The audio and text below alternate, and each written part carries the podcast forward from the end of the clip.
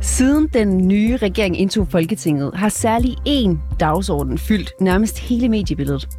Regeringen vil afskaffe Stor Bededag for at betale militærets voksne budget. Og det har altså skabt røre i den danske endedam, navnlig hos øh, fagbevægelsen, som mener, at afskaffelsen er et brud på den danske model. Det var os til at rejse spørgsmålet om, hvorvidt fagforeningerne kun ønsker politisk indblanding, når det er lukrativt. Som for eksempel, da sygeplejerskernes løn var på alles læber. Har vi at gøre med fagforbundsk hyggeleri? Det er rapporterne i dag. Jeg hedder Ida Gavnø.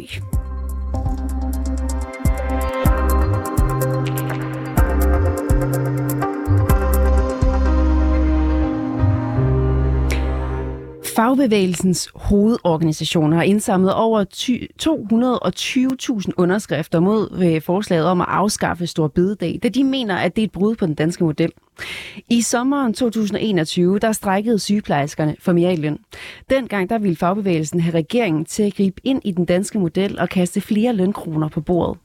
Men nu, hvor regeringen foreslår at afskaffe en helligdag, der er det et kæmpe problem, at politikerne blander sig i arbejdsforholdene. Og den logik er problematisk. Det mener Tine Auervi Hugenberger, der, tid, der er tidligere næstformand i LO, en post, som hun bestred fra 1996 øh, til 2007. Jeg spurgte hende tidligere i dag, om fagbevægelsen er decideret hyklerisk.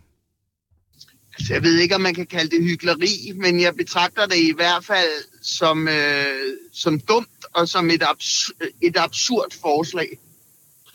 Hvorfor synes du, det er øhm, absurd? Fordi at øh, man kan ikke det ene øjeblik øh, mene, at øh, modellen er urørlig, og så det næste øjeblik øh, synes, at øh, regeringen godt må blande sig. Altså, der er jo nødt til at være konsistens i ens holdninger. Og hvis, øh, hvis øh, man antager, at vi for eksempel kommer ud i en stor konflikt her efter overenskomstforhandlingerne, mm.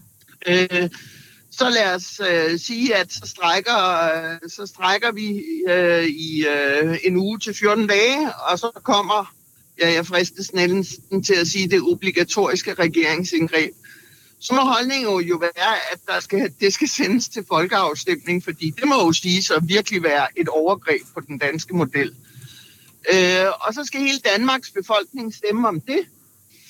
Og øh, tro mig, at hvis der har været stor konflikt en uge til to, så vil, øh, så vil øh, befolkningen givetvis stemme for, at, øh, at øh, det der regeringsindgreb, det skal stå ved magt. Og så står fagbevægelsen fuldstændig afklædt tilbage. Mm. Og jeg har det bare sådan, det er jo, det er jo en øh, absurd måde at forfægte sin position på, hvor man risikerer at underminere sin egen position. Ikke? Ja. Så det her med, altså man på den ene side, kan man på den ene side sige ja til et indgreb, når det gælder løn, og så samtidig sige nej til et indgreb, når det handler om at få fjernet en helligdag, uden at det svækker ens troværdighed og position. Det mener du ikke, at man kan? Nej, jeg mener, at det svækker troværdigheden ganske betydeligt. Ja. Man kan vel sige, at fagbevægelsen skal kæmpe for deres medlemmer og sikre dem så gode forhold som muligt. Ud fra den betragtning, giver det så ikke mening, at de kæmper for mere i løn og strækker, når der bliver taget noget fra arbejderne her en fridag? Jamen, altså selvfølgelig skal fagbevægelsen kæmpe øh, for medlemmernes vilkår, og det gør de jo også hver eneste dag. Men fagbevægelsen betragter jo også, meget bekendt i hvert fald, sig selv som en væsentlig del af institutionen Danmark, hvis man skal sige det sådan.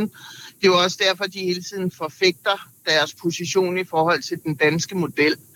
Og, øh, og der kan man jo ikke underminere sin egen troværdighed på den her måde. Jeg er fuldstændig med på, at regeringen har håndteret det her virkelig uelegant og har, kunne have gjort det på mange andre hensigtsmæssige måder.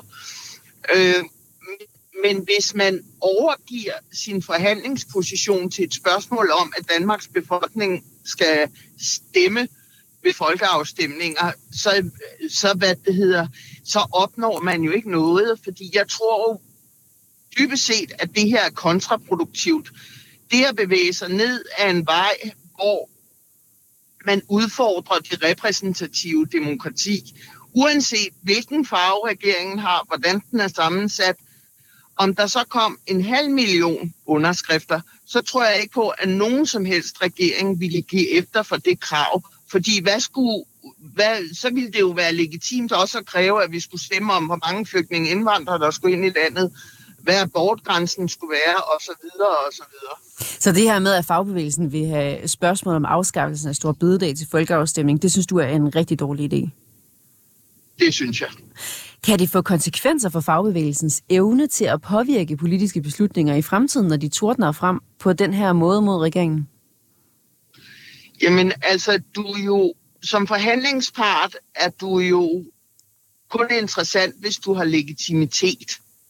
Og jeg mener, at fagbevægelsen underminerer deres egen legitimitet på den her måde. Så jeg tror, det kan, altså, det kan sagtens få konsekvenser i forhold til opfattelsen af, hvor troværdige er de som part. Er det nogen, man kan indgå aftaler med, og kan man stole på dem? Hvor store konsekvenser vil du det, det er? Ja, det er, det er simpelthen ikke i stand til at vurdere, fordi der, kan, der er mulighed for rigtig mange udfaldsrum endnu, så det kan jeg ikke vurdere. Hvad vil du have rådet formanden for fagbevægelsens hovedorganisation, Lisette Rigsgaard, til at gøre i den her situation, hvis hun havde spurgt dig? Altså, jeg ville, øh, jeg ville have foreslået, at man dels havde holdt fast i kravet om en trepartsdrøftelse, og selvfølgelig også arbejdet med de, øh, jeg er helt med på, at vi har en flertalsregering, men arbejdet med de øh, øvrige politiske partier på Christiansborg, gået sammen med arbejdsgiverne om at kræve det her løst i en trepartsinstitution, og så ikke mindst måske komme med nogle forslag til, til finansiering. Jeg ved godt, de har foreslået, at man bare skal tage fra topskatten, men det er jo det samme som at sige, at regeringsgrundlaget ikke står der længere, så det er jo ikke seriøst. Mm. Øh, men, men det vil jeg have råd til. Kan Lisette Rigsgaard og fagbevægelsen komme ud øh, som vinder i den her sag, som du ser det? Det har jeg meget, meget svært ved at se, hvordan de skulle komme. Det må jeg sige. Som vi lige hørte fra Tine Auervi Hugenberger, der, er, der var næstformand i LO fra 96 til 2007, så mener hun, at det er dumt, når fagbevægelsens hovedorganisation tordner mod regeringen, der vil forbyde, der vil bryde med den øh, danske model, og at øh, folkeafstemningen om afskaffelse af Stor Bededag er et absurd forslag. Men hvad siger øh, FH egentlig selv? Det kan jeg nu spørge dig om, Lisette Rigsgaard, formand for Fagbevægelsens hovedorganisation. Velkommen til. Ja, tak for det. For præcis halvandet år siden, der bad sygeplejerskerne om mere i løn, og øh, da Socialdemokratiet op til valget kom med et forslag om at give offentlige ansatte mere i løn, kaldte I det for en, øh, en vigtig melding. Nu tordner I så mod Storbededagsforslaget, som I kalder et indgreb i den danske model. Er det hyklerisk fra jeres side? Overhovedet ikke. De to ting hænger jo slet ikke sammen. Hvorfor er det altså, ikke hyklerisk? Jamen det gør det ikke, fordi det, øh, det som sygeplejerskerne bad om, det var, at, øh, at der skulle være særlige forhold for dem, hvor alle andre på det offentlige arbejdsmarked havde forhandlet et resultat hjem. Øh, det er helt anderledes. Øh, nu er vi i en fredstid, og det regeringen gør her, det er, at de går ind og bryder ind øh, i de forhandlinger, de af, den aftalemodel, vi har i Danmark. Øh, de aftaler, som er aftalt øh, mellem arbejdsgiver og arbejdstager, de øh, aftaler, som er betalt af arbejdstagerne. Og, øh, og det er det, der er det rigtig ulykkelige i den her situation. Men begge de her to øh, ting, er det ikke, må jeg lige spørge, Lisa, begge de her to ting, er det ikke et indgreb i den danske model? Begge de indgreb, hvad tænker du på? Nej, begge de her to ting, det med, at I gerne vil have, I vil ikke have, at man øh, afskaffer bødedagsforslaget, men I vil gerne have mere løn til, de, til, til sygeplejerskerne, for eksempel til offentlige ansatte. Er det ikke begge to indgreb i den danske model? Nej, jeg vil, jeg vil godt sige, at regeringen har jo selv, og det har de jo på baggrund af rekrutteringsudfordringer og åbenlyse rekrutterings- og fastholdelsesproblemer i den offentlige sektor, ikke kun blandt sygeplejersker, men i det hele taget. Der har politikerne haft et berettiget ønske om at løse den situation, og der er det så, at politikerne har tilkendegivet før valget, nogle af dem, at de ville øh, finde en pose penge, og så ville de øh, meget væsentligt give den ind til forhandlingsparterne, altså arbejdsgiver og arbejdstager på det offentlige område, og bede dem om at, øh, at fordele de her midler. Og, øh, og der må man sige, at det er en helt anden situation end det her, hvor, øh, hvor man går ind og tager noget fra lønmodtagerne, som de har betalt for via de overenskomstforhandlinger, som tidligere har været.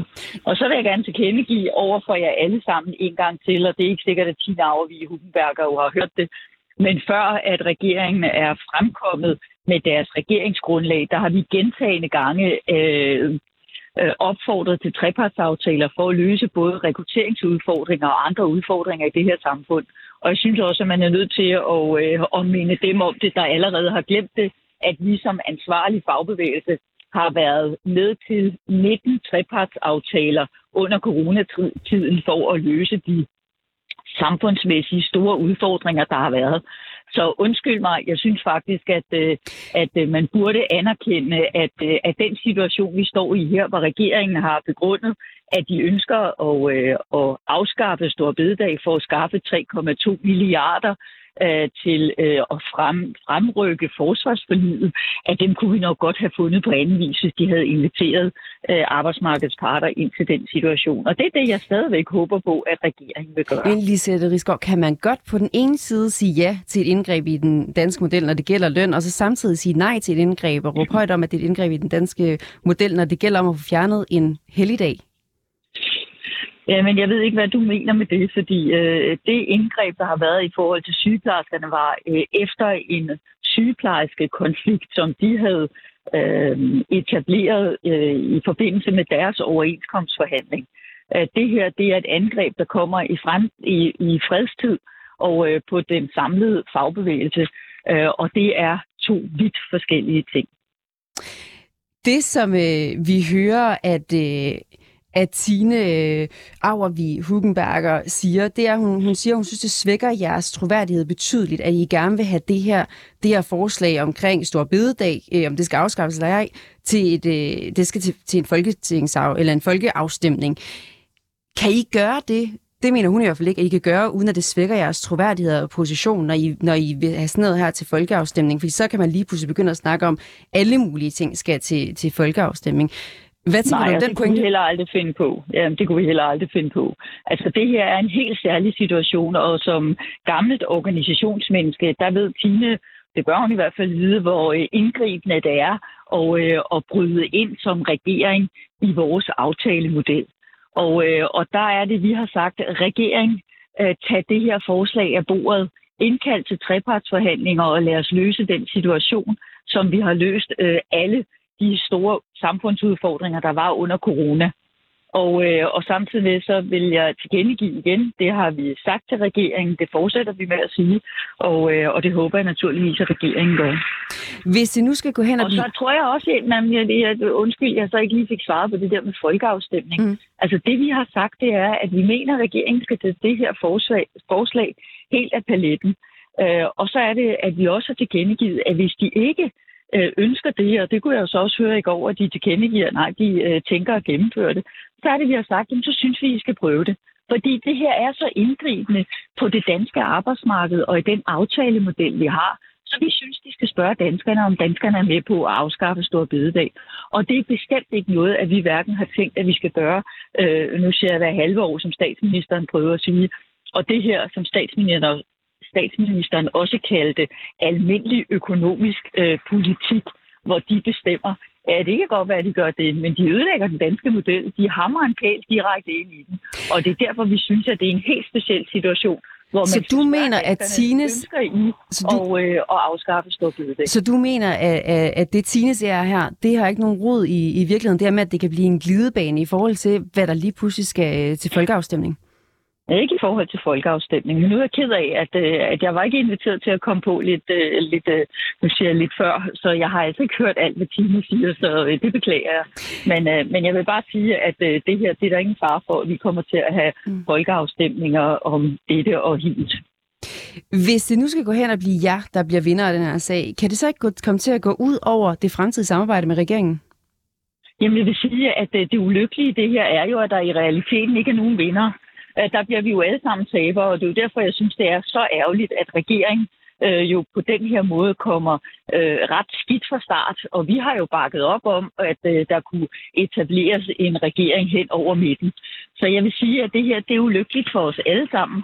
Men øh, jo længere tid der går, før regeringen ligesom lytter på, at man bør indkalde trepartsaftaler i stedet for at øh, gennemtrumfe det her upopulære øh, i befolkningen forslag for at finde 3,5 eller 3,2 milliarder ud af det budget, vi har på 1.100 milliarder. Øh, jo tidligere de ligesom øh, går ind i den, nu siger den, øh, øh, det ønske fra os, øh, jo bedre vil det være. Du siger, det er ulykkeligt for alle parter, det her. Men altså, kan den her konflikt ikke komme, hen, komme til at komme, gå hen og blive, eller gå ud over det fremtidige samarbejde, I kommer til at have med regeringen? Øh, jamen, øh, prøv at høre. Øh, jeg er jo rigtig, øh, jeg er rigtig ærgerlig over øh, det, der er sket. Men naturligvis er vi alle sammen professionelle. Og derfor mener jeg jo også, at regeringen ikke skal tage det her som et nederlag. Jeg mener, at regeringen skal lytte på, hvad der bliver sagt og vi har tilbudt os både før de fremlagde deres regeringsgrundlag, og det gør vi fortsat til at løse de udfordringer, der er i vores samfund. Herunder også en situation med, at de mener, der er brug for at, øh, at kigge ind i et arbejdsudbud, eller kigge ind i, hvordan man finder 3,2 milliarder til at fremrykke forsvarsforhandlingerne. Og, øh, og jeg er også nødt til at sige, det har jeg også sagt tidligere, jamen øh, Lars Løkke mener, at de 3,2 milliarder skal til, for at samfundsøkonomien hænger sammen jeg må sige, så synes jeg, at det regeringsgrundlag skal gås igennem igen, og i hvert fald de ufinansierede skattelettelser, som der er lagt op til, dem skal mm. man vente med, til vi har råd til det. Lisette Rigsgaard, som altså er formand for Fagbevægelsens hovedorganisation. Tak fordi, at du kunne være med i dag. Selv tak. God eftermiddag.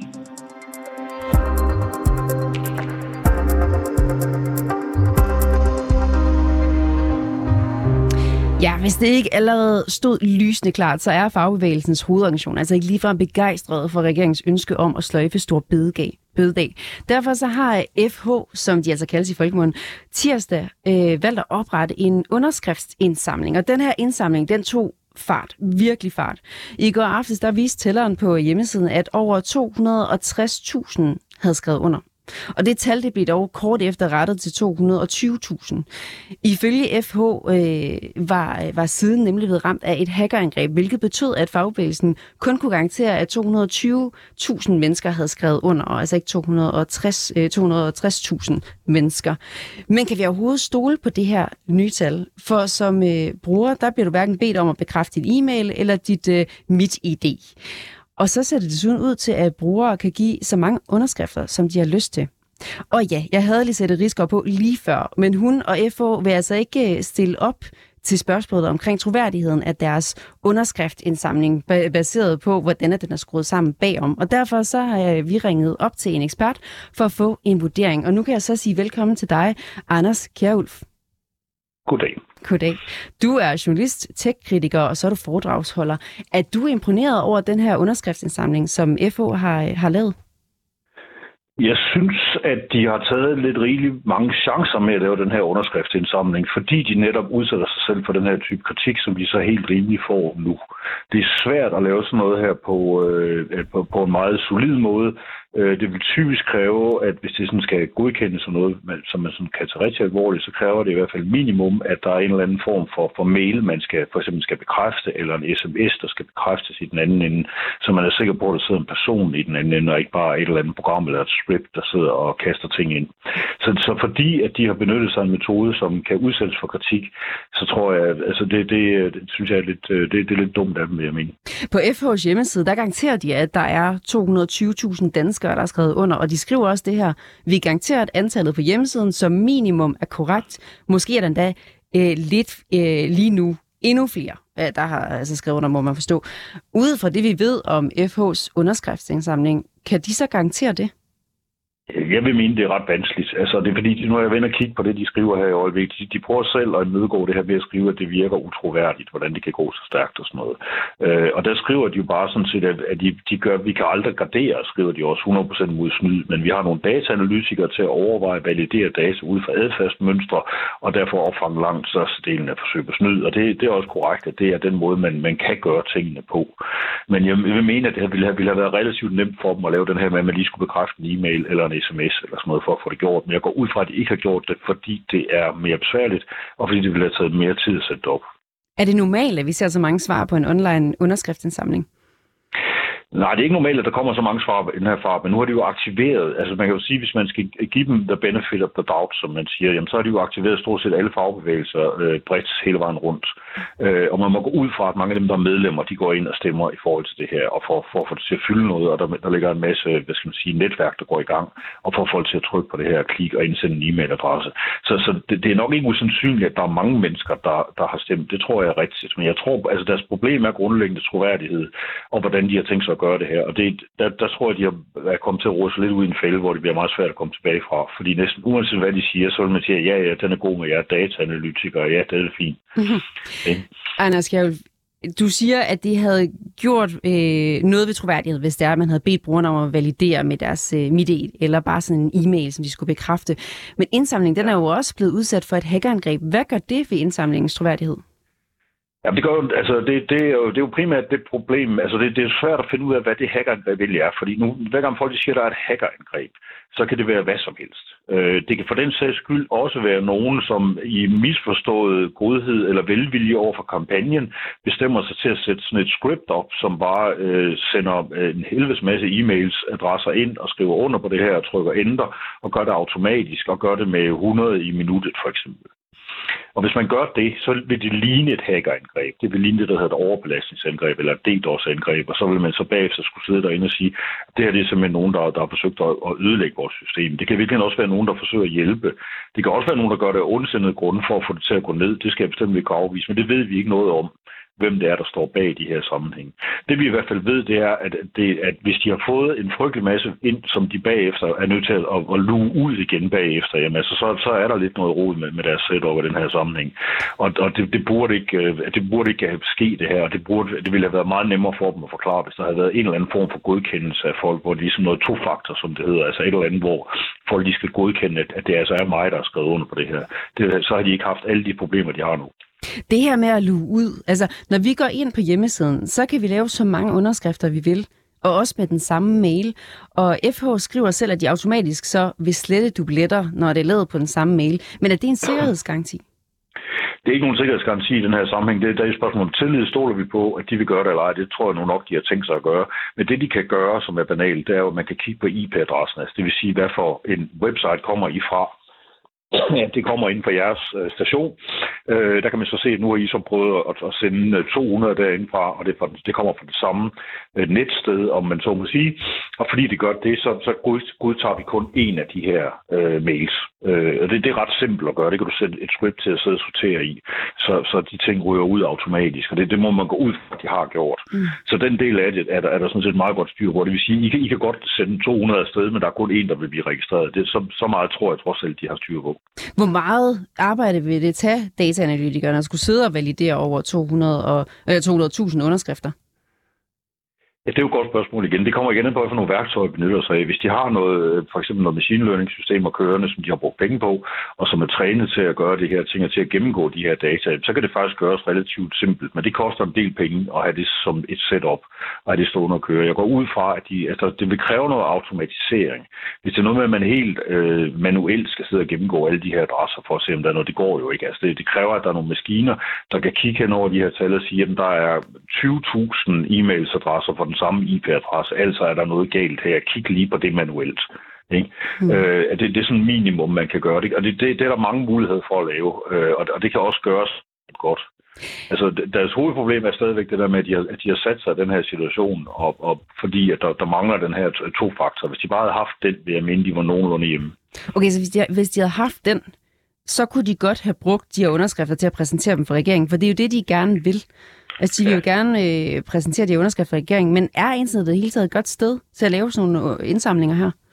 Nej, det er det ikke. Altså, der har været, der har været forsøg med det før. Altså, nogle af de første, øh, de første forsøg, der har været med at lave sådan, nogle, øh, at lave sådan et, et system til det her, det hed skriv Det var sådan et stykke kode, der blev lavet af en, øh, jeg tror det var en finde, som lavede det faktisk et forsøg på at demokrat, lave sådan mere demokratiske internetafstemninger. Der kunne man så oprette en underskriftsindsamling, og der var netop en automat, der skulle man ligesom godkende, at man gik ind, gav sin e-mail, skrev sit navn, og så fik man en mail tilbage, og så skulle man så trykke OK på den mail, for ligesom at validere, at man selv stod for den her mail som minimum.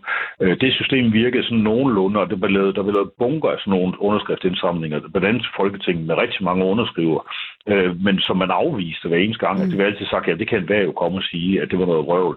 Nu har man så lavet et borgerforslag.dk i stedet for, øh, hvor, der, hvor man så skal op på 100.000 øh, øh, underskrifter, og de skal valideres med nem idé ja. øh, hver gang, eller mit idé nu. Og så skal de så, øh, og hvis du så kommer over 100.000, så skal Folketinget tage dem op. Og der ligger jo en meget underholdende en derude allerede nu, som øh, hvis, hvis folk er sådan lidt bekymrede ved den her, så kan de altid gå ind og, og klikke på den, der hedder øh, øh, afskaffe stor bededag og sætte politikernes løn ned. Fordi den har allerede 30.000 underskrifter, de Anders, er som valideret. Anders Kjærl, jeg bliver nødt til at spørge dig helt her til sidst, helt kort. Så kan de her indsamlinger på nettet bruges til noget?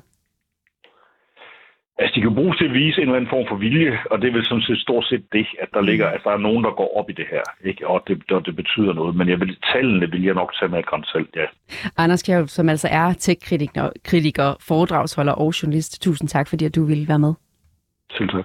Og som sagt, så har vi selvfølgelig spurgt FH, om de vil svare på, om de kan garantere indsamlingens troværdighed. Men de vil altså ikke stille op til interview om det her emne, og henviser i stedet for til den skriftlige forklaring på deres hjemmeside. Og det er faktisk ikke kun FH, som sagt, der har valgt at lave en, øh, en underskriftsindsamling, som Anders Kjærhul også lige påpeget. Så hvis du går ind på borgerforslag.dk, så kan du nemlig, øh, ligesom over 40.000 andre, skrive under på et forslag om at bevare stor bededag og give politikerne 10% mindre i løn.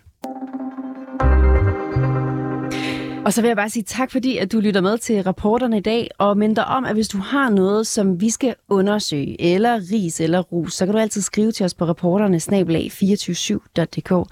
Bag historierne, du hørte her, der var Clara Edgar, der var Niels Frederik Rikkers, Karoline Fodgaard, Emilie Ørsted, redaktør, og jeg hedder Ida Gavnø.